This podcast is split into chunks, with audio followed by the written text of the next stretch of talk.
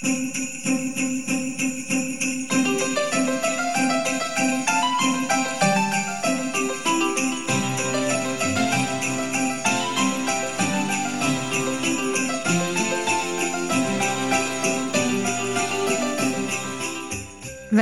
till Skånes taltidning nummer 50 2022 med utgivningsdag torsdagen den 15 december och det sista numret för det här året. Solen den gick upp klockan 8.30 i morse och ner går den redan klockan 15.34 i eftermiddag. I studion Åsa Kjellman Erisi och Mats Sundling. Tekniker är Martin Holmström och det här är innehållet. Coronasmittan fortsätter öka i Skåne liksom i övriga landet. Och för första gången på länge hölls en tv-sänd presskonferens häromdagen. Så funkar färdtjänsten i jul och nyår. Här är hela listan. Hur förbereder du dig på ett strömavbrott? Synskadad krisinstruktör ger råd. Många förändringar i busstrafiken i söndags. Här är de för norra Skåne. Elins dröm är titeln på årets bästa taltidningsreportage. Och reportaget om Elin är också månadens ansikte i december.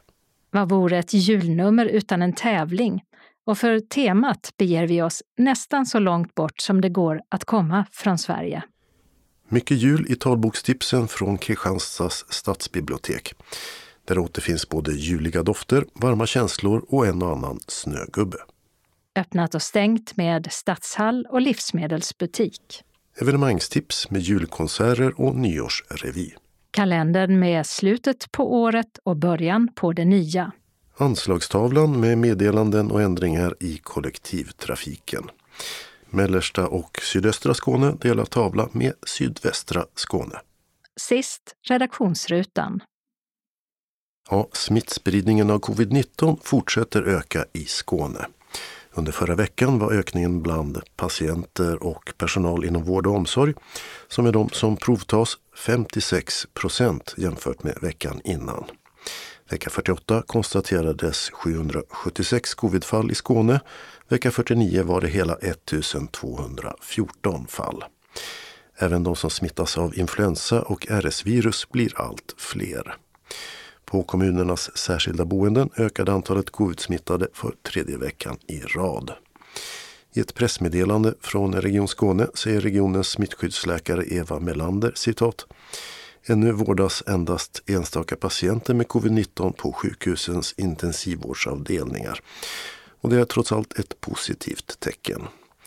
hon tillägger att vaccination är det bästa skyddet mot allvarlig sjukdom. Och det är särskilt viktigt för dig som är över 65 eller tillhör en riskgrupp. Och det gäller både covid-19 och influensa. Och för första gången på länge höll också representanter för Folkhälsomyndigheten, regeringen och Socialstyrelsen en gemensam tv-sänd presskonferens i förra veckan. Där talade man också om en kraftig ökning och gav samma råd som Region Skåne om att stanna hemma vid sjukdom och att vaccinera sig. Snart är det jul och nyår, helger då många vill resa till nära och kära. Men hur fungerar färdtjänsten i år, undrade vi. Pandemin har gjort det svårare att få tag på både chaufförer och bilar, samtidigt som restriktionerna nu är borta. Blir det kanske svårare än vanligt att få resa som man vill? Frågade vi i en enkät till utförarna. Men av svaren att döma så ska det inte vara några större ändringar jämfört med tidigare jular. Vellinge Taxi, som kör färdtjänsten i Vellinge och Trelleborg, svarar att det denna jul känns som om det är många som vill ut och resa efter två år med pandemin. Så de försöker ha de flesta bilarna bemannade. Och det blir som de säger extra bra samordning på resorna. Så alla tider kanske inte blir exakt de man önskat men åka, det får alla. Skånetrafiken hälsar att på julafton blir skillnaden mot normala dagar att det inte går att boka färdtjänst med en senast framme-tid. Utan resenärerna får preliminära tider att åka iväg. Och skulle de ändras kommer en trafikledare att ringa upp. Men i nyårshelgen är det de vanliga reglerna som gäller igen. Skånetrafiken flaggar för att de har längre kötider för att många ringer i kombination med hög sjukfrånvaro. Men väntar kunder i kö kommer de till slut komma fram. Malmö stad svarar att de räknar med god tillgänglighet på färdtjänstbilar under hela julhelgen och att det går att boka ända fram till julafton. Samma tid gäller för de som behöver specialfordon. Fast ska man åka ett sånt utanför Malmö måste det bokas senast den 15 december. Får man besked om att det är fullbokat är tipset att höra av sig när det närmar sig julafton då det kan komma in avbokningar. Och Malmö stads serviceresor uppger att de inte har några begränsningar jämfört med tidigare.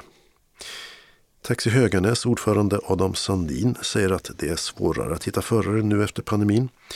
Men att de kör som de gjort i över 40 år med extra bilar i jul. Som alltid kan det bli trångt vissa tider och då får man samåka. Eller så får de säga att det inte går att resa just då. Förbeställningen vill de ha före den 19 december. I Klippan kör Taxi Ängelholm färdtjänsten och platschefen Magnus Borgström säger att de har samma utmaningar som branschen i stort. Under pandemin slutade många chaufförer, inte minst pensionerade, som kunde rycka in vid behov. Och det är långa leveranstider på nya bilar samtidigt som begagnade blivit dyrare. Men om inget oförutsett inträffar har de ingen brist på bilar eller chaufförer i jul. Taxi Ängelholm önskar att resor till julafton bokas senast den 21 december och till nyår den 28. Sen kan det hända att de ringer upp och vill flytta på resan, kanske 10 minuter om det är många som vill resa. Och det gör de i så fall senast två dagar innan. Men de brukar aldrig ha några större bekymmer på jularna, säger han. I Lund har man skickat ut ett vykort till resenärerna som berättar att de flesta julfirare vill resa nästan samtidigt och att det blir svårt att boka spontanresor. Och att det är viktigt att beställa i god tid. Bokningen öppnade i lördags. Färdtjänstchefen Per Tranström säger att det på jular egentligen inte är mängden resor som är problemet. Utan att väldigt många vill åka vid samma tidpunkt. Plus att det ofta är långa resor som tar längre tid. Sen brukar det ta betydligt längre tid att få in alla i bilarna då alla ska kramas och alla julklappar ska med. Men det hör liksom till. Lite glädje ska vi väl alla sprida. Citerar vi Lunds färdtjänstchef. Rapporterade Mats Sundling. Det talas mycket om risken för strömavbrott. Men vad ska synskadade tänka lite extra på om det nu blir så att elen stängs av och om vattnet stängs av? Helene Jangenfelt, krisinstruktör i Civilförsvarsförbundet och själv synskadad, säger så här. Alla ska tänka igenom sin egen situation utifrån eh, det generella rådet att man ska kunna klara sig en vecka utan eh, el och vatten. Fungerar inte elen under en längre tid så pumpar eh, behövs för att pumpa runt vattnet i systemen och de fungerar inte. Och utan värme då blir det ju också naturligtvis va? Och om värmen säger Helene Jangenfelt, varma kläder och håll dig i ett enda rum med stängd dörr. Lägg flera mattor på golvet om du har för att isolera. Gärna en madrass under bordet och gör en koja med mattor och filtar över och runt. In där med hela familjen om du har och gärna husdjuren med. Då blir det snabbt varmt. Och glöm inte mössan. Men matlagningen då, som ju inte ska ske inne i kojan. Man behöver ett eh, campingkök eller någon annan typ av... Eh, det finns något som kallas för bear cook. Det är en liten eh, låda som man kan lägga en påse i med ett slags pulver som blir varmt när man häller vatten på det. Och den behållaren kan man värma upp mat i till en person. Det köper man i friluftsbutiker helt enkelt. Men om man nu har ett stormkök, ett spritkök så kanske mm. det inte är helt enkelt att tända ett sånt om man inte ser. Så så är det ju, det här ska man ju öva på innan så att man inte står med det den dagen krisen har kommit. Det går ju att lära sig att hantera ett eh, campingkök, absolut. Man kan använda sådana här metatabletter. Var förberedd, prova de här sakerna innan så att du vet att man kan hantera det. Mat hemma, energirik mat, mat som går att äta direkt som kanske inte ens behöver kokas men med så kort koktid som möjligt i alla fall. Soppor på burk, ravioli, alltså pulversoppor som bara är att blanda med vatten. Man kokar pastan i eh, de passerade tomaterna eller i soppan eh, och sån här snabbmakaroner då så att det går snabbt. Och om nu vattnet är avstängt då måste man väl ha vatten i sin bostad ändå. Hur då? Det får man ha i dunkar eller i flaskor. Man kan fylla en flaska, ett antal flaskor till två tredjedelar och lägga dem i frysen. Det är ett bra ställe att förvara vatten på när man bor i lägenhet. Eh, annars dunkar med vatten, förvara dem mörkt och svalt eh, i den mån det går för att behålla vattnet längre. Och byt ut det, kolla vattnet, det är så att man alltid har vatten. Och om eh, nu ingen ström finns och eh, det allmänna kommunikationsmedlet är en mobiltelefon. Powerbank, ha ett antal, ha dem laddade så att man vet att man säkrar telefonen. Sen är det ju så här att eh, mobilen kanske inte fungerar ändå. Men man kommer åtminstone åt appar och så här. Det finns ju bra appar, krisinformation, det finns första hjälpen-appar man har nytta av ändå. Radio måste man ha. Batteridrivna naturligtvis och det finns även sådana här dynamo-radior som man kan veva igång. Personlig hygien. Personlig hygien, våtservetter, ha det hemma så kan man använda så lite vatten som möjligt. Tvättlappar så att man inte slösar på det vatten man har. Om vi nu tänker oss att det blir ett eh, kortare strömavbrott, kanske tre timmar. Behöver man förbereda sig även för ett sånt? Alltså man kan ju inte veta hur långvarigt ett strömavbrott blir. Blir det så omfattande strömavbrott så att allting släcks ner, det är ju då det blir en kris. Alltså ett vanligt strömavbrott på ett par timmar, det klarar vi allihopa, det är ingen kris. Men blir det så pass omfattande så vet vi inte hur länge det varar. Sen får man ju tänka på som synskadad också att man är mera utsatt. Blir vi utan vatten så kommer kommunen komma ut med tankbilar. Då ska man kunna ta sig dit och hämta vatten. Och det kanske man inte kan. Alltså samverka, prata med grannar, vänner. Tänk igenom hur man skulle kunna lösa sådana saker.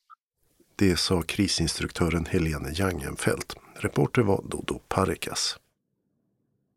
Skånetrafiken bytte tidtabell i söndags och det betydde ovanligt många ändringar i hur busstrafiken körs. Här är de större ändringarna i norra Skåne. Att lägga till dem i södra vi berättade om förra veckan. Och vi börjar i nordväst Skåne. Där läggs regionbusslinjen 221 ner. Och mellan Helsingborg och Höganäs kommer istället den nya Skåneexpressen 11. Linje 220 till bland annat Viken ska komplettera den genom att bland annat köra på natten. Linje 209 läggs också ner med hänvisning till den nya regionbuss 299. Och den tar över sträckan mellan Helsingborg och Vallåkra och kör dessutom via Bårslöv. Men stannar inte vid hållplatserna på Pålstorpsvägen. Närmsta alternativ blir Gantofta station eller linje 219s Rå Orkestergatan. Regionbuss 223 kör mellan Nyhamnsläge, Arild och nyheten Jonstorp. Medan 224 inte längre kör mellan Arild och Jonstorp. Den ska istället ha en ny väg mellan Höganäs, Jonstorp, Hjälmshult och Helsingborg. Linje 225 delas i två linjer, 225 och 226. 225 kör mellan Höganäs och Ängelholm medan 226 kör direkt mellan Höganäs och Ängelholm under rusningstid. 225 kommer däremot inte längre att gå mellan Höganäs och Jonstorp. Där ersätter ju alltså linje 224. Den nya regionbuss 226 går under rusningstid mellan Höganäs och Ängelholm på en halvtimme. Linje 260 kör från och med i söndags den slinga som linje 298 tidigare kört i Trudstorp i Ekeby. Regionbuss 297 kör numera direkt mellan Ramlösa station och Bårslöv och stannar inte längre på hållplatserna längs Rustholmsgatan i Ättekulla. Men det gör istället linje 219 och 299. Den nya linje 298 går direkt mellan Helsingborg och Ekeby.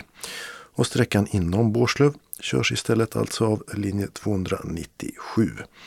Medan slingan i Ekeby tas över av buss 260. Linje 501 går nu till Norrviken året om och har de nya hållplatserna Forsbergsväg och Apelrydsskolan. Regionbuss 502 är ny och går mellan Båstad och Torekov via Hov. I Torekov byter bussen nummer till linje 505. Linje 511 kommer att köra inom Munka-Ljungby men inte stanna vid hållplatserna Munka-Ljungby väg 13 eller på IP. Vid IP stannar istället buss 510. Regionbuss 523 läggs ner och från Torekov eller Båstad går det istället linje 502. Medan det blir närtrafik från Ramsjö. Stadsbussarna så. I Helsingborg kommer linje 3 inte längre att köra mellan Hjälmshult och Mariastaden. Under rusningstrafik går regionbuss 224 till Mariastaden där det går att byta till linje 3 eller 6. Stadsbuss 6 kör nu via Slottshöjden istället för via Olympia. Dit går flera regionbussar istället och stadsbuss 25 och 26. Till Slottshöjden kör å andra sidan inte längre linje 7 som går direkt mellan Statena och Kopparmölleplatsen. Buss 25 kör från i söndags inte mellan Statena och Maria station utan till Väla by. Och linje 26 kör nu inte längre via Slottshöjden och den som vill av på hållplatserna Slottsvångsskolan, Slottshöjden och Fredriksdalsplatsen får istället ta buss nummer 6. 26an stannar istället vid hållplatserna Olympia Park och Lasarettet. Linje 27 läggs ner. Mellan Helsingborg C, Statena och Maria station finns det flera andra linjer att välja mellan. Och så över till Landskrona där stadsbuss 2s hållplats Fågelvägen dras in. Hållplatsen Vilan ligger 200 meter bort som alternativ. Linje 4 i Landskrona förlängs till Norra Bårstahusen och stannar vid hållplatserna Kalkungsgatan, Mantalsgatan och Erikstorps kursgård. Men inte längre vid hållplatsen Drottningen. Linje 5 är förlängd till Norra Bårstahusen och stannar vid hållplatserna Alfredsvägen och Erikstorps kungsgård. Och den nya hållplatsen Weibullsholm som ligger vid Coop. Men inte längre vid hållplatsen Bankgatan. Vi går så över till nordöstra Skåne där ändringarna är få. I Hässleholm börjar elbussar att köra stadstrafik och det gör de på några andra håll i Skåne också. I Kristianstad kommer regionbuss 444 köra till Snogeröd men inte längre till Rollsberga. Och stadsbuss 4 hållplats Norretullsvägen är avstängd i riktning mot Lingenässkolan under en icke närmare angiven tid. Alltsammans alltså från och med söndags den 11 december. Och den som vill veta mer kan alltid höra av sig till Skånetrafikens kundtjänst som har telefon 0771 77 77 77. Rapporterade Mats Sundling. Månadens ansikte i december är ett starkt reportage med namnet Elins dröm som handlar om 24-åriga Elin Karlsson Hoffman.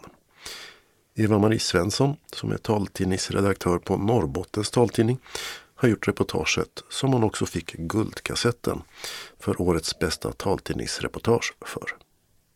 Föreställ dig att du precis har gått ut skolan. Nu ska vuxenlivet börja och planerna för framtiden är många. Helt oväntat blir du blind och allt stannar av. Det hände Elin Karlsson Hoffman när hon var 19 år.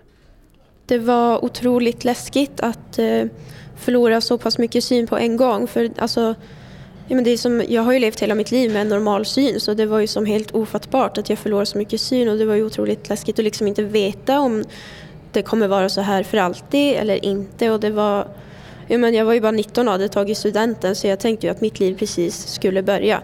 För jag fick det på vintern så jag hade ju som hunnit jobba lite grann. Ehm, och jag hade ju planer och så så det var ju fruktansvärt att mitt liv som sattes på paus. Det var... Det, ja, det, är, ett, det är ett stort trauma, det är det ju. Ja. Det var ju ingen som förstod riktigt vad det var när jag fick den för att min syn blev så pass dålig så att jag klassades liksom som legalt blind. Det gick ganska fort dåligt och jag var på sjukhus här i Pite och i Sunderbyn och gjorde en plasmaferes bland annat och andra behandlingar och undersökningar.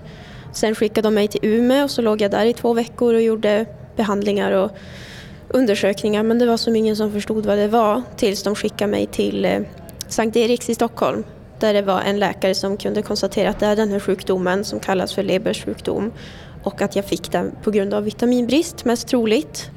Men det var ju svårt att börja anpassa sig såklart. Alltså jag kunde ju som inte gå över vägen själv och jag kunde inte gå och handla mat själv. Alltså det var ju...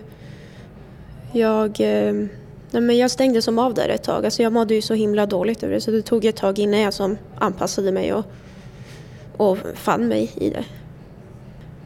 Kan du beskriva hur du ser ut?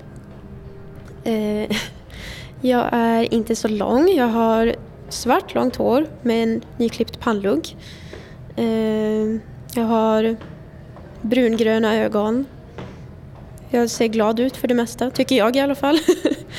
eh, nu är jag inte så färgglad. Jag har svarta byxor, svarta boots, en svart kappa och en svart t-shirt med rosa och vitt tryck. Jag brukar vara färggladare än så men inte idag tydligen. Du har matchande örhängen också. Ja, det är väldigt viktigt att matcha tycker jag. Matchande örhängen. Mm. Du har ju en tatuering också ser jag.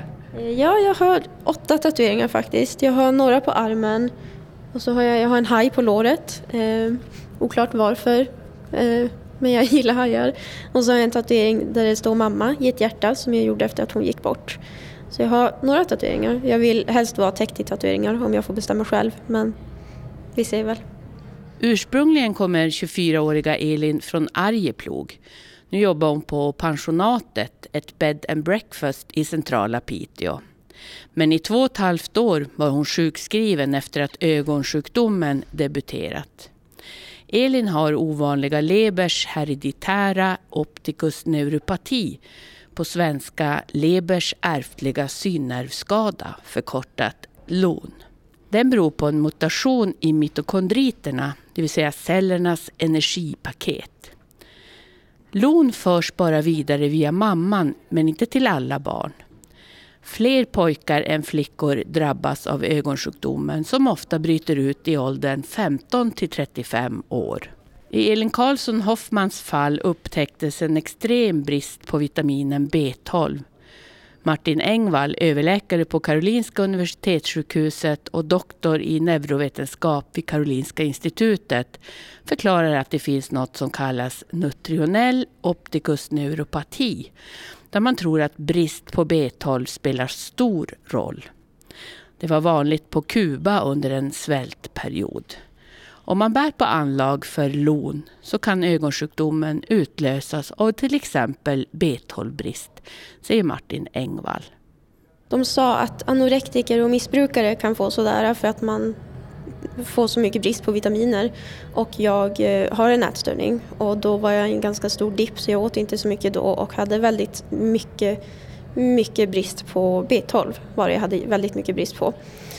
Ehm, så det känns väldigt surt att det, nu går det inte att veta till 100 procent, men det känns väldigt surt att det mest troligt är en sån grej som liksom har gjort att en sån här stor grej hände. Det kan göra mig ganska arg ibland när jag tänker på det. Alltså, det känns väldigt, väldigt surt. Blir du arg på dig själv då? Ja, otroligt arg på mig själv. Vad tänker du då? Jag tänker att det känns så himla onödigt om jag bara hade kunnat äta lite bättre. Och så när jag, får, när jag hamnar i en dipp idag då jag kanske inte äter så bra, då blir jag fortfarande arg på mig själv och tänker att men har jag inte lärt mig någonting av konsekvenserna? Det är så fruktansvärt, men det är ju också en, en, en sjukdom på sitt sätt. Det är ju svårt att bara komma ur. Men det kan göra mig ganska frustrerad när jag tänker på det. Jag tänker ju direkt att det där är ju inte ditt fel, det är ju kanske då sjukvårdens fel att de inte har tagit prover på dig.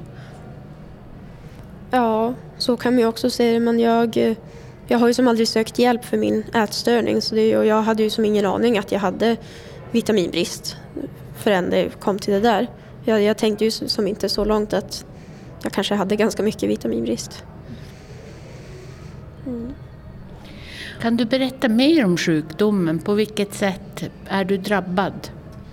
Den sätter sig som i synnerverna ehm, och för mig är det så att jag ser jag ser som sämst i mitten.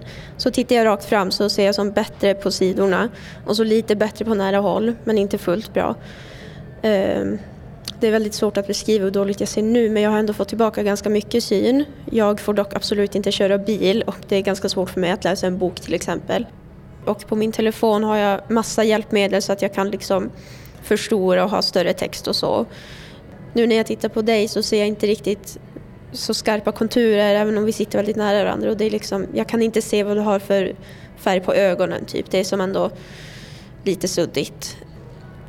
jag kan liksom ta mig fram här själv. Och jag kan liksom, nu kan jag gå över vägen utan att behöva någon hjälp. Och, och så. Men jag tänker att om jag vore i en främmande stad då skulle det nog vara mycket, mycket svårare för mig att ta till exempel lokaltrafik eller om jag är på en främmande flygplats för att då är jag ju som inte van med hur allting är. Så om jag ska läsa en skylt till exempel så måste jag vara väldigt nära. Alltså bara några meter ifrån typ. Men ja, det, det är svårt att beskriva. Vad saknar du mest att se? Alltså jag skulle nog vilja säga att jag saknar mest att kunna läsa en, en bok. men eh, jag vet inte, alltså nu är det ju som svårt för mig att minnas hur det var. Men jag önskar också att jag kunde se så bra så att jag får köra bil och ha ett körkort. Det hade ju underlättat ganska mycket. Men eh, ja, jag, jag saknar att läsa väldigt mycket. Det fanns en medicin som jag fick testa. Den blev godkänd 2016 så jag var som ett år bakom så det var ju skönt. Eh, men det är också så att eftersom det är ganska svårt att forska på den här sjukdomen så går det inte att veta om det var medicinen som gjorde att det blev bättre eller inte. Eh, vilket jag tycker att är ganska surt, att det är som ganska många frågetecken ändå. Nu vet man ju som varför jag har fått den men det är ändå ganska det är ganska mycket frågetecken kring den. Det går som inte heller att veta om det kommer bli bättre eller om det har stannat här men jag är på Sankt Eriks en gång per år och det har som sett samma ut nu ganska länge.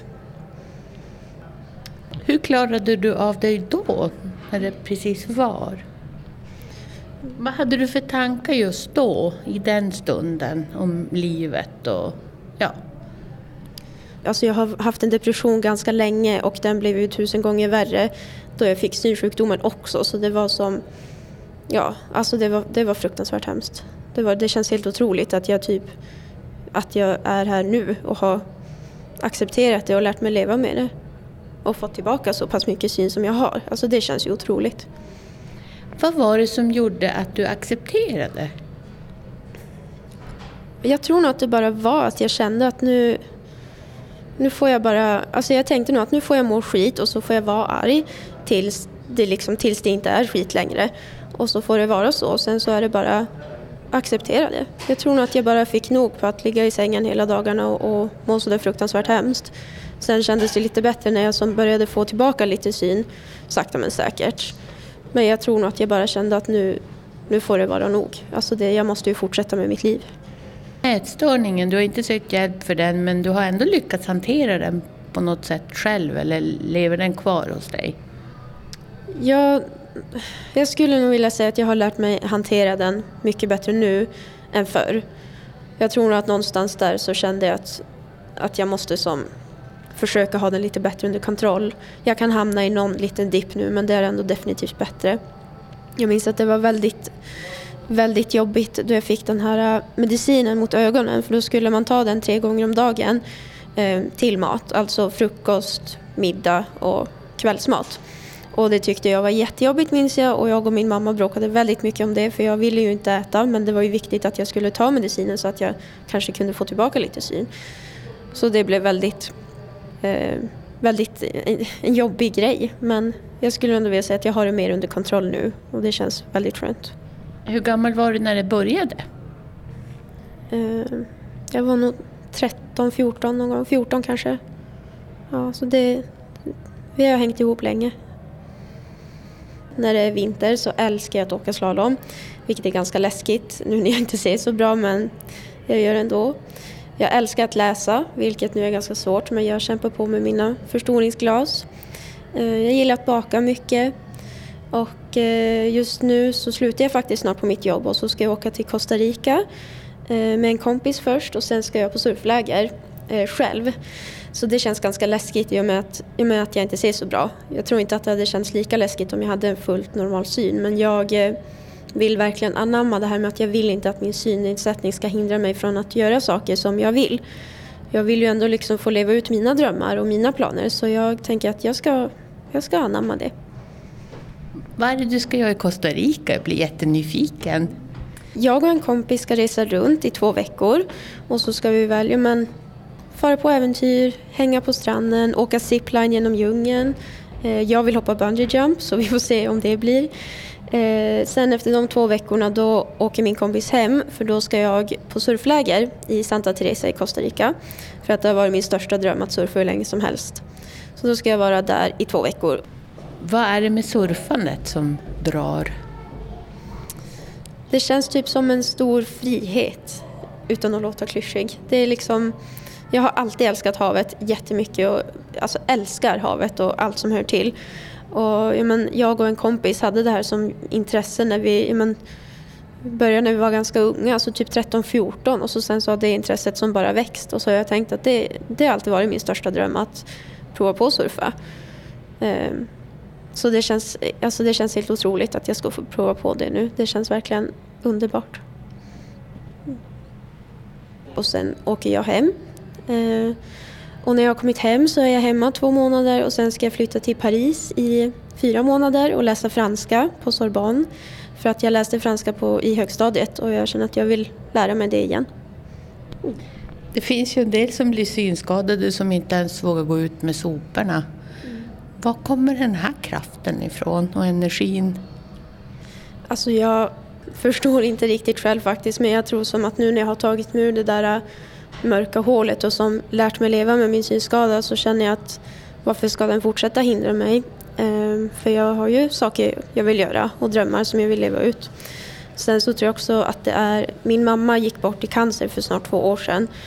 Så då känns det som att varför ska jag slösa bort mitt liv genom att bara ligga hemma och må dåligt? Alltså, jag får ju leva, det fick ju inte hon. Så då känner jag som också att hon hade ju velat att jag skulle leva ut mina drömmar så då får jag som lite kraft från det också. Och så känns det ju som en väldigt stor utmaning. Just det här med Paris också för att dit ska jag ju själv och det känns läskigt att flytta till en, ett helt annat land och gå på en stor skola med ett helt annat språk då man inte ser så bra men det känns som en rolig utmaning, tänker jag. Det låter som att du har haft väldigt, väldigt tungt i livet hittills. Du är ju inte så gammal. Nej, det har varit väldigt mycket motgångar för mig. Som sagt, jag fick ju en kronisk leversjukdom när jag var 16 också, som också är ganska ovanlig. Och den märker jag inte av så mycket egentligen, annat än att man blir så fruktansvärt trött. Vilket är himla jobbigt då jag redan är trött från depression och så sover jag inte så mycket om nätterna. Och, ja, men bara just det här om att, att vara så ung och sen få en kronisk sjukdom. Det kan jag också må ganska dåligt över att, att tanken på att jag kommer vara sjuk resten av mitt liv och jag kommer att ta medicin resten av mitt liv. Och, förmodligen måste transplantera levern någon gång snart. Och, eh, ja, men sen du fick det här med ögonen och sen att mamma har varit sjuk sedan jag var nio och så sen att jag har depression också. Så det har, som varit, det har varit väldigt, väldigt mycket. Och det, det är mycket, men det är bara det att nu försöker jag som göra det bästa av allting, tänker jag. Ja, men om du tittar på ditt liv tio år framåt, vad, vad gör du då? Oj, vad svårt. Om tio år, då är jag 34. Då tror jag nog kanske att jag... Eh, men jag kanske har tagit mig till Stockholm då. Det kanske har blivit dags då. Eh, och så har jag förhoppningsvis jättemånga hundar. Jag älskar hundar. Eh, jag bor i en jättefin eh, vindsvåning, kanske. Eh, oklart vad jag jobbar med faktiskt. Jag har inget drömjobb. Så jag vet inte. Men jag hoppas att jag i alla fall inte bor här. Eller så kanske jag har flyttat till Costa Rica, vem, vem vet, jag kanske trivs jättebra där. Eller Paris. Ja. ja, jag kanske blev kvar i Paris, jag kanske stannade där i tio år till. Ehm, men jag hoppas i alla fall att jag... Eh, jag hoppas att jag kanske har tillbaka lite mer syn om tio år. Ehm, men vem vet? Jag hoppas att jag mår bra om tio år i alla fall. Jag hoppas att jag mår bra och att jag inte bor i Piteå. Men vad har du för råd att ge till andra som blir synskadade? Det kan ju vara att man blir det när man är ung som du, men man kan ju också vara gammal. Vad skulle du vilja liksom skicka med alla? Oj, vad svårt. Jag försöker tänka på vad jag hade velat höra där och då. Alltså folk sa ju till mig att det kommer att bli bättre, men det, vill, det sket väl jag i då. Men alltså, jag tänker att man inte ska ge upp. För det, gud vad klyschigt det låter men alltså man ska inte ge upp för det, det blir ju faktiskt bättre. Och allt, allt tar sin tid. Det, alltså man får vara arg och gråta och skrika och man får vara ledsen tills det, tills det liksom inte tills det släpper. Det får göra ont tills det inte gör ont. Det får, allt måste få ta sin tid tänker jag. Men det finns hopp. Det finns jättemycket hopp. Ja. Vi hörde Elin Karlsson Hoffman berätta om sitt liv och sina drömmar. Och det var Eva-Marie Svensson vid Norrbottens taltidning som hade träffat henne. Nu har det blivit dags för årets jultävling vars tema vi hittar på andra sidan jorden, nämligen Nya Zeeland. Landets fulla oavhängighet godkändes av det nyzeeländska parlamentet år 1947, alltså för 75 år sedan.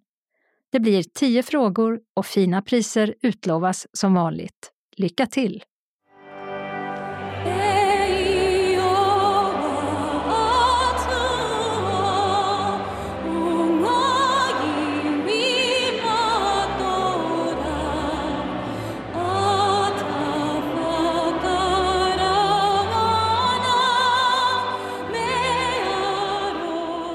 Detta det var en av landets nationalsånger, God Defend New Zealand. Den andra nationalsången, det är God Save the King, som det heter numera efter att kung Charles III tagit över kronan i Storbritannien efter drottning Elisabeth II. Nya Zeeland räknas för övrigt som en självständig konstitutionell monarki inom det brittiska samväldet.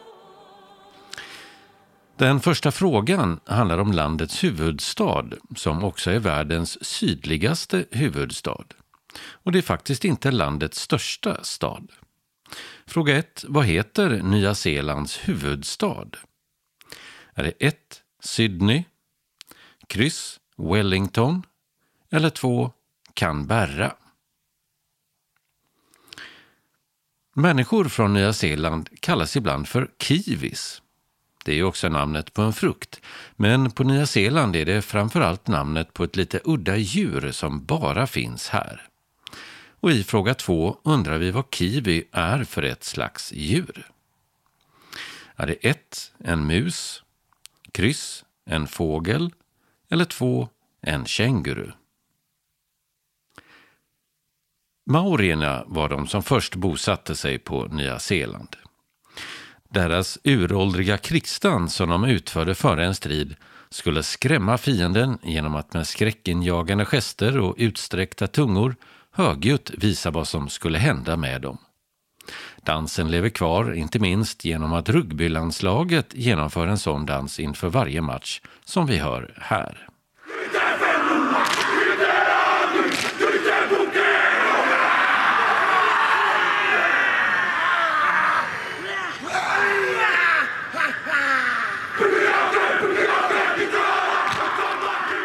Fråga tre, vad kallas den här krigsdansen?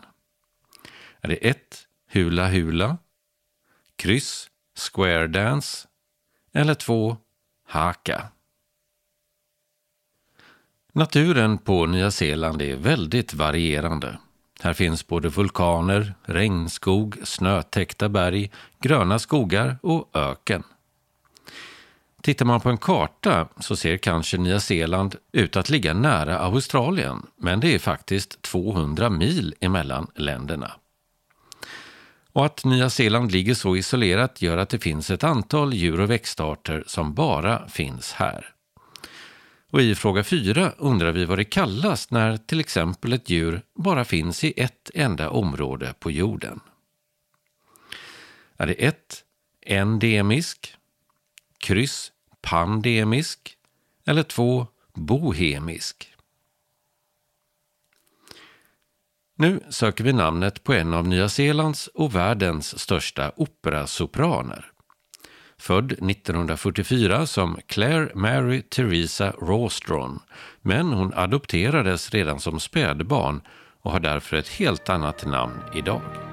Och här sjunger hon White Christmas.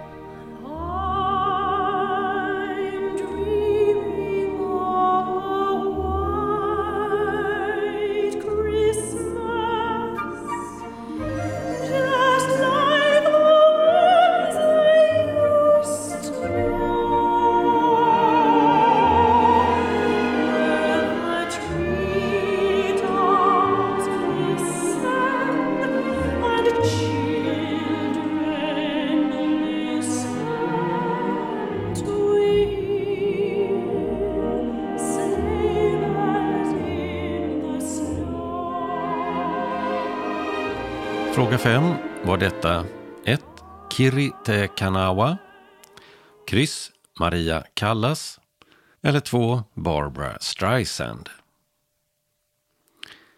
Världens högsta berg, Mount Everest, finns inte på Nya Zeeland utan i bergskedjan Himalaya i Asien på gränsen mellan Nepal och Tibet. Men det var dock en nyzeeländare som var första människa som tog sig hela vägen upp till toppen av Mount Everest. Det gjorde han 1953 tillsammans med Sherpan Tenzing Norgay. Och i fråga 6 söker vi namnet på denne bergsbestigare. Hette han 1. David Livingstone, kryss Roald Amundsen eller 2. Edmund Hillary. Nya zeeländaren Peter Jackson har blivit känd som en av världens största filmregissörer på senare tid. Efter att i början av sin karriär mest gjort knasiga skräck och splatterfilmer har han sedan dess hunnit med ett antal storfilmer, framförallt den episka trilogin Sagan om ringen.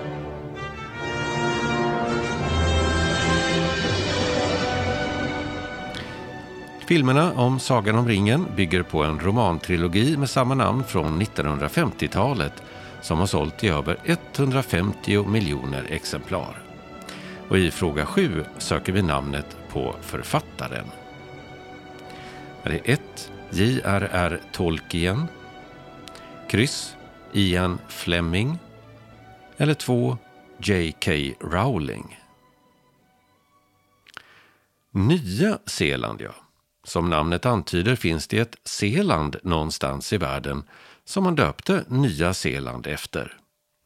Men i vilket land ligger detta Zeeland? Det är fråga 8. Ligger det i 1. Nederländerna, kryss Brasilien eller 2. Japan? Landets demokrati och jämställdhet är väl utvecklad. Redan 1893 fick kvinnor rösträtt och man har haft flera kvinnliga premiärministrar. Landets nuvarande premiärminister är en kvinna och i fråga 9 undrar vi vad hon heter.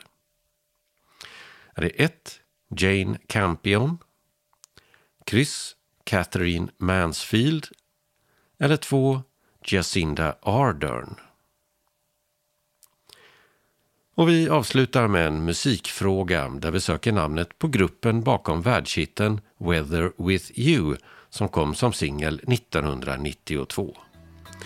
Bandet bildades i Australien men sångaren och några till är från Nya Zeeland.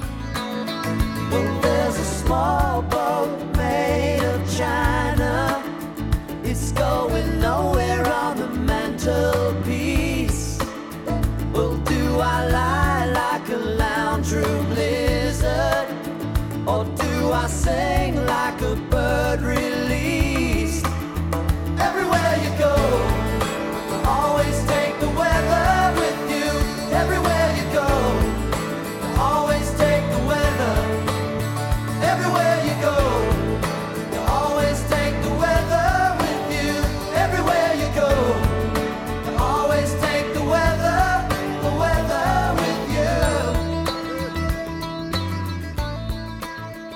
fråga 10 heter bandet 1.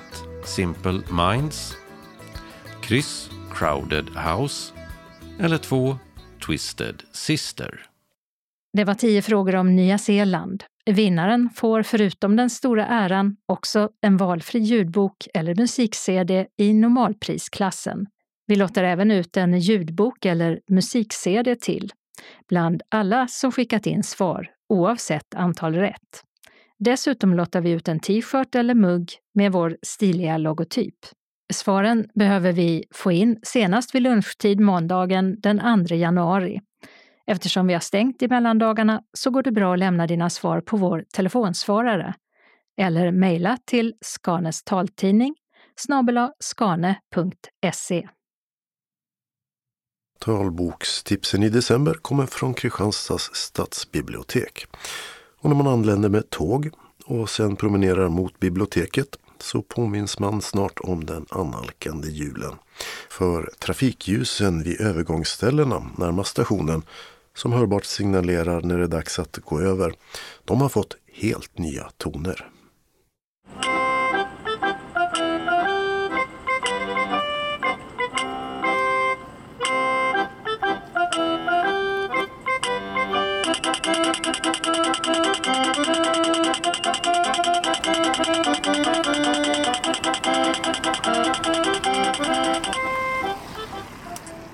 Och även när det gäller talbokstipsen så är julen ett starkt tema för dagens tipsare. Bibliotekarierna Jessica Sten och Stefan Sjölund. Men julen får vänta en liten stund för först handlar det om spänning. Ja, mitt första tips idag är eh, Gamen av Olle Linnaeus. Eh, det är en talbok med text på 12 timmar och 52 minuter och inläsare är Martin Halland. Och och eh, Olle Linnaeus, journalist vid Sydsvenskan i Malmö, har tidigare bland annat skrivit en svit deckare med Malmöpolisen Johnny Lilja i huvudrollen. Eh, men Gamen är den första boken i en serie som handlar om den före detta elitsoldaten Simon Simon lider av posttraumatisk stress efter att under ett uppdrag i Syrien blivit tillfångatagen, torterad och sett sin kollega och vän Ahmed få, få halsen avskuren. Och det här uppdraget som gick så snett, det gick ut på att spåra upp och döda en jihadist som fått kodnamnet Gamen. Och dilemmat är att Gamen var svensk medborgare och uppdraget var inte officiellt sanktionerat. Simon han lyckas fly men Gamen kommer undan. Och ett år senare får Simon syn på Gamen i Malmö en sen natt på ett kebabställe. Eller har han sett i syne? Det var bara en snabb glimt, men Simons kropp reagerade instinktivt med panik och adrenalinpåslag. Simon rapporterar in sin observation till sitt gamla befäl, men militären säger att de har säkra uppgifter på att Gamen har blivit dödad i en drönarattack och och eh, Simon han måste ha sett fel.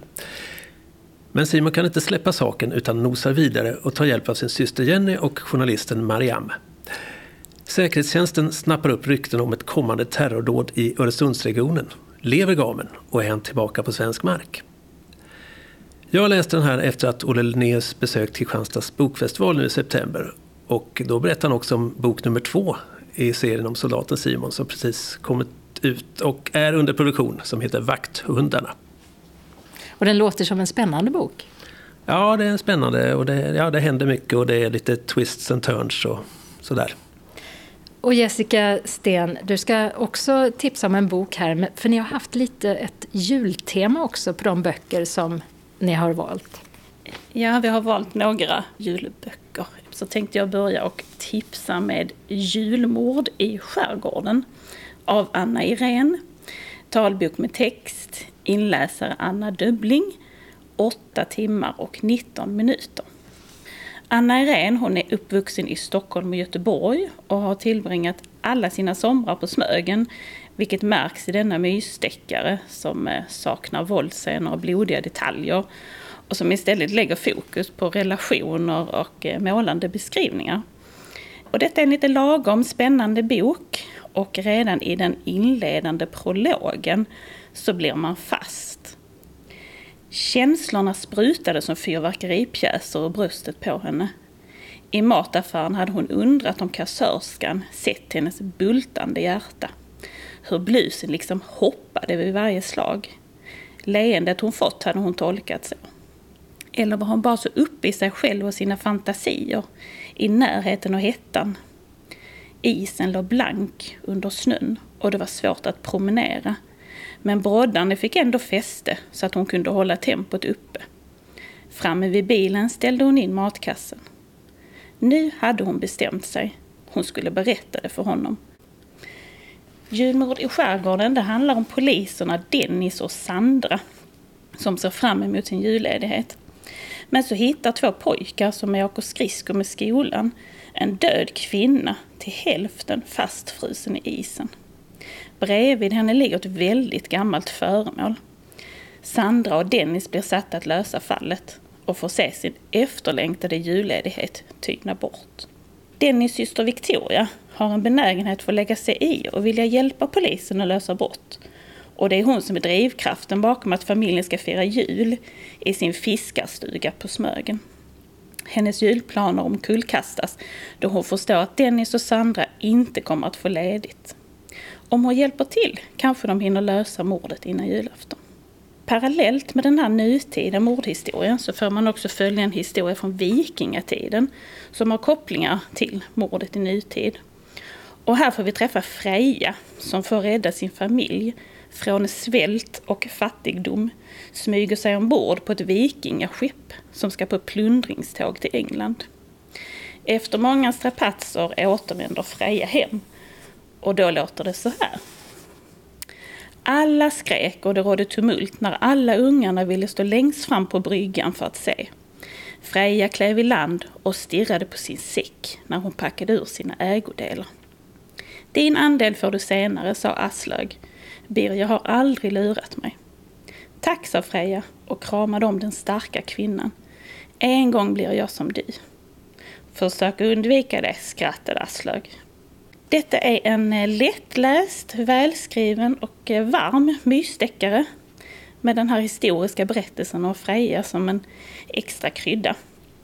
Det är en trevlig bok att läsa så här i juletider. Härlig julkänsla och många fina och eh, stämningsfulla beskrivningar av julförberedelser. Det här är den femte delen av serien Morden i Smögen. Men det är den första boken som jag läste i serien. Och det fungerar väldigt bra att börja läsa från del 5.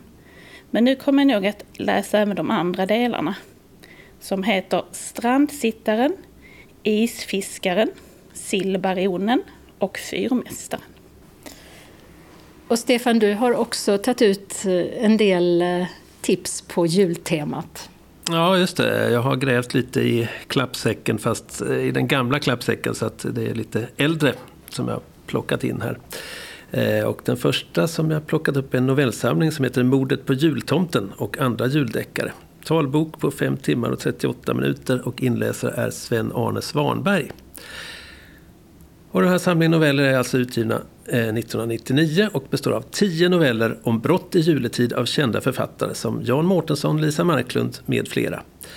Eh, bland annat samarbetar Håkan Nesser och Henning Mankel i en historia där de båda kommissarierna Wallander och van Veteren möts. Bland historierna förekommer både vedtjuvar, väskryckare, rånare och mördare. Vissa historier är småputtriga och trevliga och andra drar åt det mörkare hållet så har jag också läst eh, God Jul av Jonas Karlsson. Och det är en talbok på 5 timmar och 38 minuter. Inläsare är Johan Svensson. Skådespelaren och den inte ovävna författaren Jonas Karlsson kom ut med den här kortromanen 2013. Kommunledningen vill göra något fint för kommuninvånarna till jul, men budgeten är ansträngd så några pengar finns inte. Men då kläcker någon idén att placera ut gamla överblivna ljusstakar i kommunhusets fönster och med dessa skriva God Jul för att lysa upp vintermörkret. Och någonting som verkar väldigt enkelt visar sig bli mycket svårt. Rykten går om neddragningar av tjänster och några i personalen sätter sig på tvären. Det här är en satir om kommuner, byråkrati och arbetsplatskonflikter. Det är både roligt men samtidigt lite oroligt. Jonas Karlsson är väl en lite underfundig författare? Absolut. Jo, han har ju skrivit flera romaner och även novellsamlingar har han ju fått ihop. Ofta är det väl lite ja, knepigt och lite udda och lite kul sådär. Vad är din nästa bok, Jessica? Jag ska berätta om en bok som heter Julbrevet och är skriven av Kersti Herland Jonsen. Talbok med text, 8 timmar 29 minuter och inläsare är Sari Eliasson. Julbrevet är en julfeelgood-bok, vilket är en ganska så ny genre i Sverige, men som har funnits länge i både England och USA och som definitivt utlovar en varm julkänsla.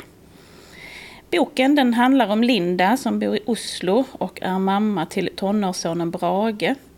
Hon jobbar som förlagsredaktör och har ensam uppfostrat sin son då pappan övergav henne för en annan kvinna. Och Linda hon kämpar för att eh, Brage ska få en bättre och tryggare uppväxt än vad hon själv haft, som fått flytta från det ena fosterhemmet till det andra. Hon har byggt upp en tillvaro för sig och Brage med många fasta traditioner som speciellt kring jul är extra viktiga. Och de här förväntningarna och planerna inför julen de spräcks då Brages pappa helt plötsligt börjar intressera sig för sonen igen. Han lockar med coola prylar och häftiga resor och Linda hon slits mellan rädsla och förtvivlan för att sonen ska bli sviken. Att julen inte kommer att bli som det var tänkt. Och glädje för Brages skull för att ha sin pappa i sitt liv igen. Eh, men så får Linda ett brev från en äldre man som eh, verkar vara ett informationsbrev från ett trossamfund. Men varför skriver han till henne och vad vill han egentligen? Irriterat så besvarar Linda brevet. Och när den här äldre mannen får Lindas svar så låter det så här. När han hade kommit in och öppnat brevet blev han sittandes länge vid köksbordet. Han kunde nästan inte tro sina ögon. Tonen var ju inte precis uppmuntrande. Men hennes argumentation, de rättframma formuleringar och den självsäkra handstilen var det. Han kunde inte låta bli att dra på munnen. Var snäll och skriv inte till mig igen, stod det. Men det måste finnas någon mening med att det var just Linda som hade besvarat hans brev. Så det här är en bok som eh, garanterar julstämning. Miljöerna är väldigt levande med frostrosor på insidan av fönsterna, juldekorationer, värme som sipprar ut från knökfulla kaféer, dofter av nybakat och smaken av heta grytor och varm choklad. Och den här miljöskildringen ihop med handlingen om familj och vänner, traditioner, kärlek och vikten av att dela med sig till den som inte är lika lyckligt lottad gör detta till en eh, gripande bok och som läsare så blir man lätt känslomässigt engagerad.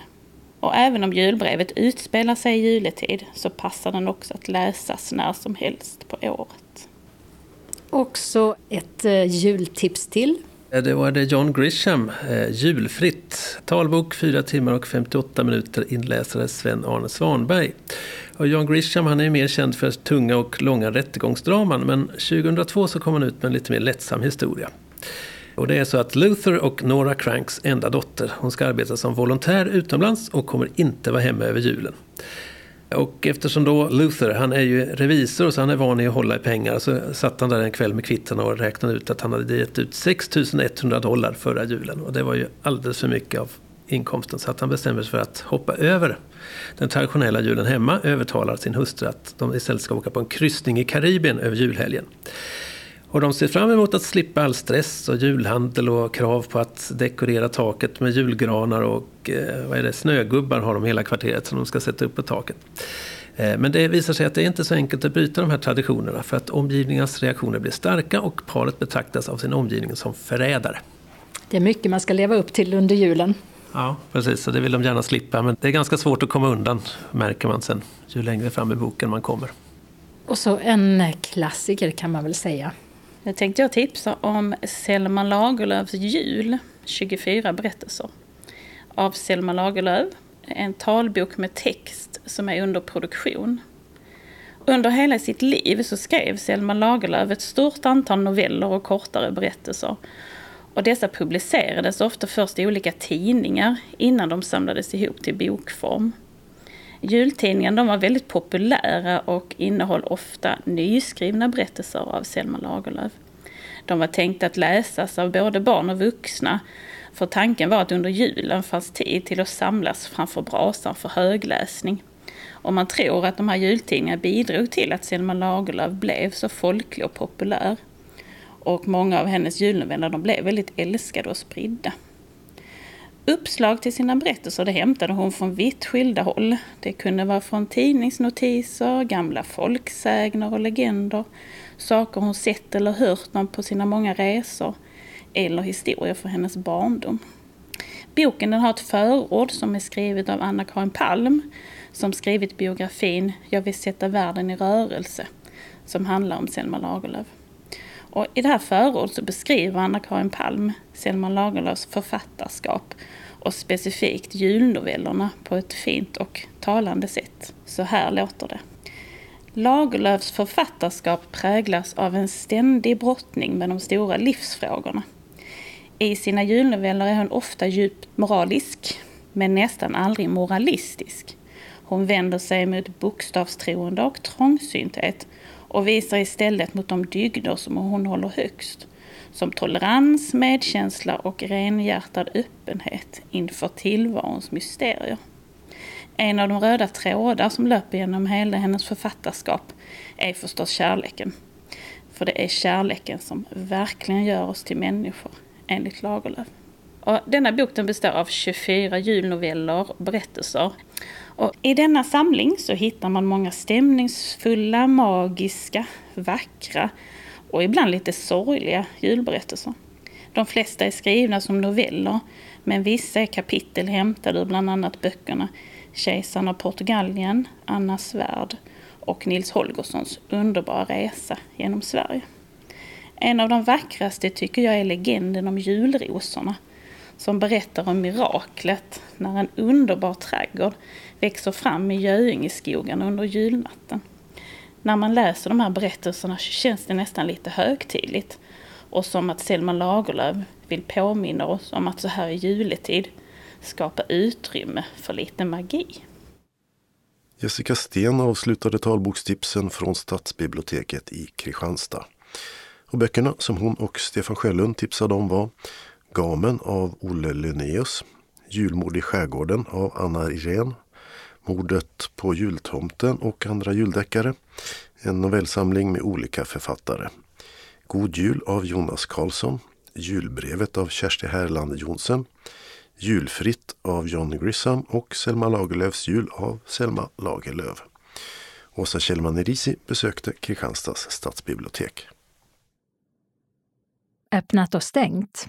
I Södra Sandby har en ny livsmedelsaffär öppnat, Sandbys Supermarket, med adress Soldatgränd 3. Affären har öppet från 7 på morgonen till 22 på kvällen. I Lund har den renoverade stadshallen med adress Stortorget 9 invigts. Här är det tänkt att kultur och demokrati ska mötas. Och det finns lokaler för musik, humor, föreställningar, möten och konferenser med mera.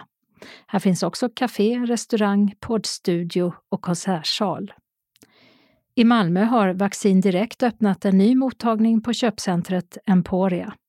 Det är den tredje mottagningen i Malmöområdet. Man kan vaccinera sig både på drop-in-tider och bokade tider. Och på Jörgen Ankersgatan 12 stänger taltidningens granne Green Stories till jul. Till dess pågår utförsäljning av miljövänliga kläder och saker till hemmet. I Bromölla har Din butik på Din X-macken slagit igen. Bensinförsäljningen fortsätter dock. Evenemangstipsen. Sanna Nilsen har även i år en julkonsert och show som heter Min sanna jul som turnerar runt landet. Nu på fredag den 16 december kan hon ses i Helsingborgs konserthus med start klockan 19. Och två tillfällen till blir det i Skåne, bägge på Ystads teater. Söndag den 18 december klockan 15 och klockan 19. Helsingborgs konserthus säljer själva biljetterna för mellan 695 och 795 kronor. Och Eventim de till Ystad dit de kostar 795 kronor. 30-årsjubilerande Pedalens pågar spelar skånsk rock'n'roll på KB i Malmö nu på lördag den 17 december klockan 20. Inträdet är 195 kronor och förköp kan göras hos Eventim. Musikalisk julstämning utlovas den 20 december mellan klockan 19 och 20 på Forum på Kungsvägen 22 i Örkelljunga. Då uppträder Hanna Sandin, Maja Berggren och Mattias Andersson. Inträdet är 200 kronor. Och mer kan man få veta på telefon 0435 550 58. Sankt Nikolai kyrka i Simrishamn anordnar en julkonsert den 21 december klockan 19. Sjunger gör Sankt Nikolai kyrkokör och det blir saxofonspel av Anna Hedar. Insläppet börjar 18.15 och det är fri entré. Ängelholmsrevyn har inlett biljettförsäljningen. Premiären blir på nyårsafton och de biljetterna såldes slut direkt. Biljetter till övriga föreställningar som spelas den 5 till 18 januari säljs för 350 kronor ordinarie pris. Och halva för de som är mellan 10 och 20 år och 20 kronor från 9 år och neråt. Nortic säljer dem. Eller så kan man ringa 0700 402 403 på onsdagen mellan 18 och 20. Eller lördagar och söndagar mellan 10 och 12. Ystadsrevyn är tillbaka efter ett pandemiuppehåll med föreställningen Jubel i stan. Och lördag den 7 januari har 2023 års upplaga premiär. Sen blir det 16 föreställningar till. Fredagar klockan 19.30, lördagar klockan 15 och 19.30 och söndagar klockan 15 och två och en halv timme framåt var gång inklusive paus. Sista föreställningen är den 5 februari. Biljetter kostar mellan 455 och 495 kronor och säljs av Ystads teater och av Turistbyrån. Det hårt rockande bandet Takida gästar Helsingborg Arena med sin Hammer Bell Tour den 11 februari. Från klockan 18 hörs också supportande banden Hardcore Superstar och Royal Republic samt Nicky Borg från Backyard Babies. Arenan själv säljer biljetter för 585 kronor. Helsingborgsrevyn har premiär på Dunkers fredag den 17 februari och nummerrevyn i elfte timman. Tredje gången gilt ges sen 11 gånger till. Torsdagar och fredagar klockan 19 och lördagar klockan 16. Och 2.20 framåt var gång. Biljetter för 300 kronor ska gå att förköpa hos Nortic. Lite längre fram kommer ståupparen Lenny Norman fortsätta på höstens turné med sin föreställning Gubbevarning 2.0 som fick bra recensioner i pressen. Lunds stadsteater får besök av den retsamma gubben den 14 mars klockan 19.30. Eventim säljer biljetter dit för 435 kronor. Kristianstads teater gästas 15 mars samma tid och hit säljer Tixter biljetter för 395 kronor. Och slutligen Ystads teater fredagen den 17 mars klockan 19.30. Och här kostar det 460 kronor att förköpa hos Eventim. Biljettinformation Nordtick telefon 0455 61 97 00 Tixter 0771 47 70 70 Eventim 0771 65 10 00 Dunkers biljettcentral 042 10 74 00. Visit Lund, som ju tidigare hette Biljettbyrån 046 13 14 15. Helsingborgs Arena 042 10 31 60. Ystads teater 0411 577 199. Och Ystads turistbyrå 0411 57 76 81. Kalendern för vecka 51 börjar med måndag den 19 december då Isak har namnsdag. I riksdagen debatterar man statsbudgetens del om ekonomisk trygghet vid sjukdom och funktionsnedsättning med saker som sjukpeng, rehabilitering och merkostnadsersättning på bordet. Den här veckan kommer socialförsäkringsutskottet med ett betänkande i frågan och den som vill lyssna på debatten kan göra det via riksdagens webb-tv med start klockan 10. 55 år fyller Lundafödde komikern Johan Wester, känd bland annat för att vara parhäst med Anders Jansson och tv-programmet Hipp Hipp. De två var månadens ansikten i januari 2004 och på vår hemsida går det att lyssna på det. Tisdag den 20 december har Israel och Moses namnsdag. Riksdagen klubbar en rad beslut om nästa års budget. Bland annat om en stor satsning på försvaret både det militära och civila och på samhällets krisberedskap. Svenska Akademin har sin högtidliga sammankomst. Onsdag den 21 december firar vi Thomas. Solen den går då upp klockan 8.35 och ner igen 15.36. Och det är så mörkt det blir för nu är vintersolståndet här och ljusare tider stundar.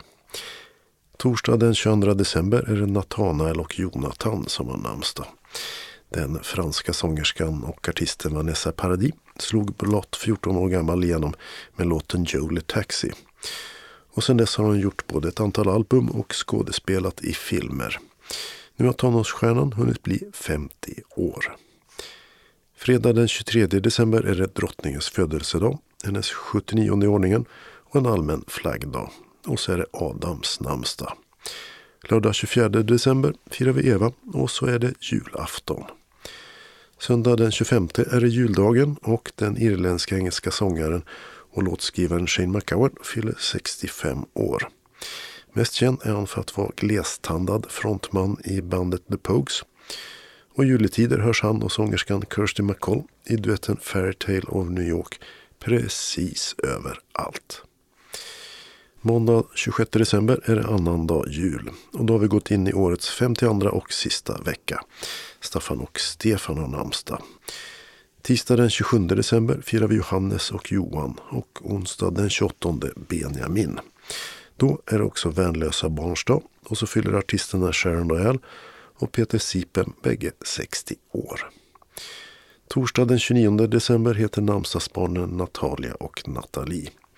Den brittiske skådespelaren Jude Law, känd från en rad storfilmer som till exempel The Talented Mr Ripley och Enemy at the Gates och Skuggspel fyller 50 år. Fredag den 30 december är det ett sekel jämnt sedan Ryssland, Ukraina, Vitryssland och Transkaukasiska republiken gick ihop till Sovjetunionen efter flera års inbördeskrig. Och många miljoner döda, men bara 69 år senare upplöstes unionen på nyårsafton 1991. Och ett antal republiker blev självständiga. Namnsdag är det för Abel och Seth. Lördag den 31 är det Sylvesters namnsdag, nyårsafton och klackar i taket runt om i världen. Längdskidåkningens Tour de Ski har tävlingar i Schweiz som sen snabbt flyttar över till Tyskland och Italien. Fem lopp på sex dagar blir det. Och söndagen därpå är det nyårsdagen, den 1 januari, det nya året 2023. Och den internationella pizzadagen. Inte av en slump, för försäljningen brukar av någon anledning toppa just denna dag. Sångaren Tusse, som vann Idol 2019 och med låten Voices också Melodifestivalen 2021, har hunnit bli 20 år jämt. Och samma dag blir Sverige EUs ordförandeland i ett halvår framåt. För första gången sedan 2009. Ekonomi, energi och Ryssland lär ta upp mycket av den tiden. Vecka 1, 23, börjar med måndag den 2 januari och Sveas namnsdag. Tisdag den 3 januari är det alla Alfreds och Alfridas dito. Onsdag den 4 januari är det Ruts. Och så är det den internationella Brailledagen, eller punktskriftens dag. Eftersom fransmannen Louis Braille föddes denna dag 1809. Braille motarbetades av den tidens blindskolor och han dö innan hans språkliga skapelse erövrade världen. Torsdag den 5 januari är det Hannas och Hanneles namnsdag och trettondagsafton. Och alla taltidningens CD-prenumeranter ska ha fått årets första nummer i brevlådan. Lite tidigare än vanligt, för på fredag den 6 januari är det 13 jul och en röd dag i almanackan. Samt namnsdag för alla Kasper, Melker och Baltzar där ute. Lördag den 7 januari är det jul för de ortodoxt kristna i många länder. Som både Ryssland och Ukraina där kyrkoåret följer den gamla julianska kalendern. Det är också fullmåne och januari och det tillsammans betyder nyår för Mahayana-buddhisterna som är vanligast i till exempel Kina, Korea, Japan och Vietnam. Medan August och Augusta har namnsdag. Söndag den 8 tar 2023 års första vecka slut. Då går lilla västafrikanska landet Benin till parlamentsval och här hemma öppnar Folk och Försvars rikskonferens i Sälen. Den walesiska sångerskan Shirley Bassey är efter en lång karriär nog mest känd för att ha sjungit titellåtarna i hela tre Bond-filmer. Goldfinger, Diamonds Are Forever och Moonraker. Nu fyller Dame Shirley 85 år. Och namnsdag, det har Erland. Den regionala anslagstavlan börjar med ett meddelande från synmottagningarna i Skåne som meddelar att den 23 och 30 december samt 5 januari så stängs telefonerna klockan 12. Och vecka 52, det vill säga 27 till 31 december, så håller mottagningen i Kristianstad stängt, medan mottagningarna i Malmö, Lund och Helsingborg har öppet som vanligt. SRF Skånes kansli kommer att ha julstängt från den 23 december till den 8 januari. Man öppnar igen måndagen den 9 januari 2023 och önskar alla en god jul och ett gott nytt år. Den lokala anslagstavlan från norra Skåne inleds med fyra meddelanden från SRF Västra Skåne. Först en julhälsning. Kansliet är stängt för juluppehåll från och med fredagen den 23 december till och med söndagen den 1 januari 2023 och önskar alla medlemmar och styrelsen en riktigt god jul och ett gott nytt år. Undertecknat Monica och Maria.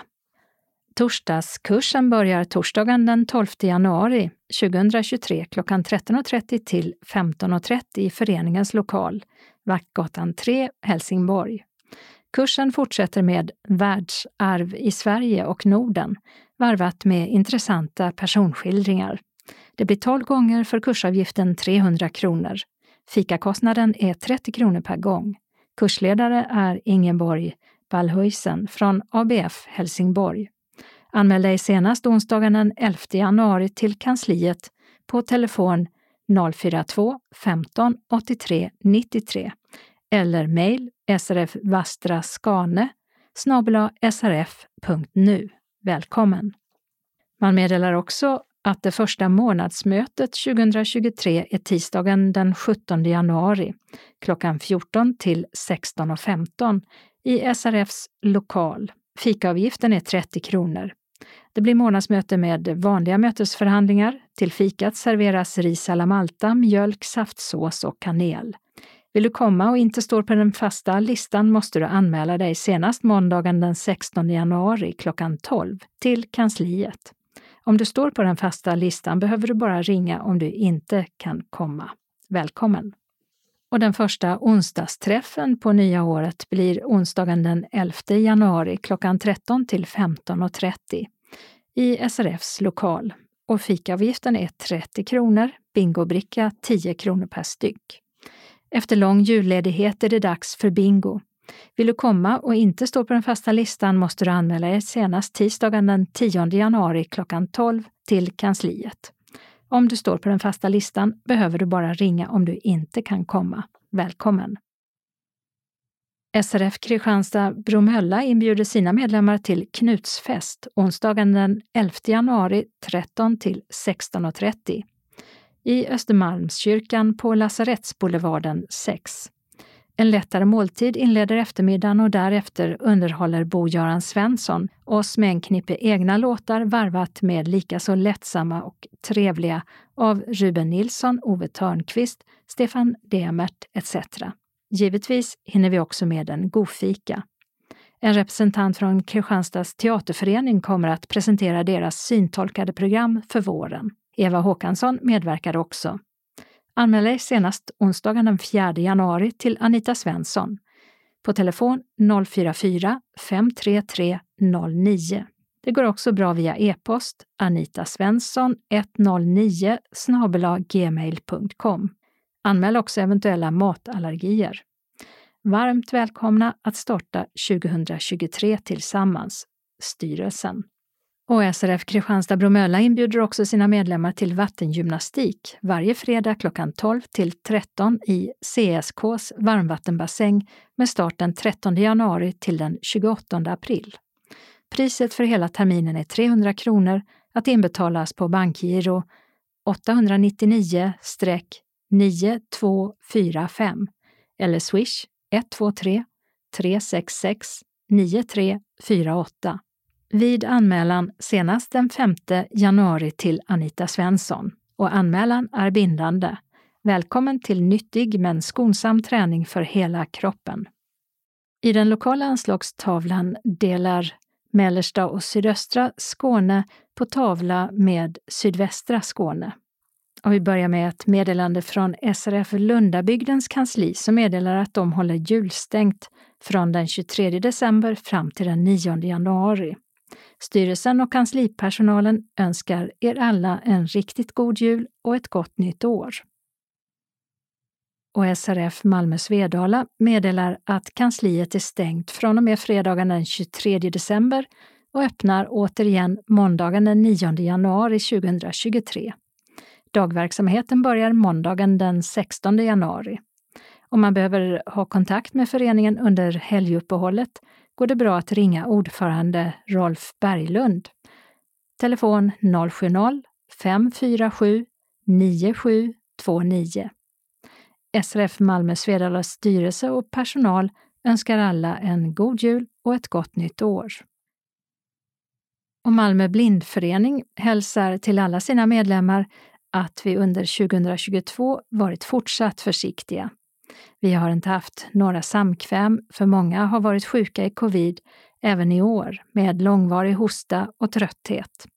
Vi finns fortfarande och vi tänker på er och saknar er. Och vi hoppas att nästa år ska bli ett bättre år och att vi ska kunna återuppta våra samkväm igen. Vi önskar alla en riktigt god jul och ett gott nytt år. Var rädda om er. Varma hälsningar Malmö blindförening. Vi har en tillfällig ändring som gäller busstrafiken i Eslöv, där ett VA-arbete på Västergatan påverkar linje 1 fram till den 5 februari. Hållplats Palmgatan, läge A och B, stängs och resenärerna hänvisas till tillfällig hållplats 60 meter österut på Västergatan. Det här var allt för denna gång. När nästa nummer av Skånes taltidning kommer ut är det nytt år, 2023. Och eftersom det är trettondagsafton på torsdagen i den veckan kommer tidningen ut på onsdagen den 4 januari och meddelanden vill vi ha in senast fredagen den 30 december. Till dess, ha en riktigt god jul och ett gott nytt år. Skånes taltidning ges ut av Region Skånes psykiatri och habiliteringsförvaltning. Ansvarig utgivare är Martin Holmström. Postadress Jörgen Ankersgatan 12, 211 45 Malmö. Telefon 040 673 0970. E-post Skanes taltidning snabela skane.se och hemsida skanestaltidning.se. Vi hörs igen. Hej då!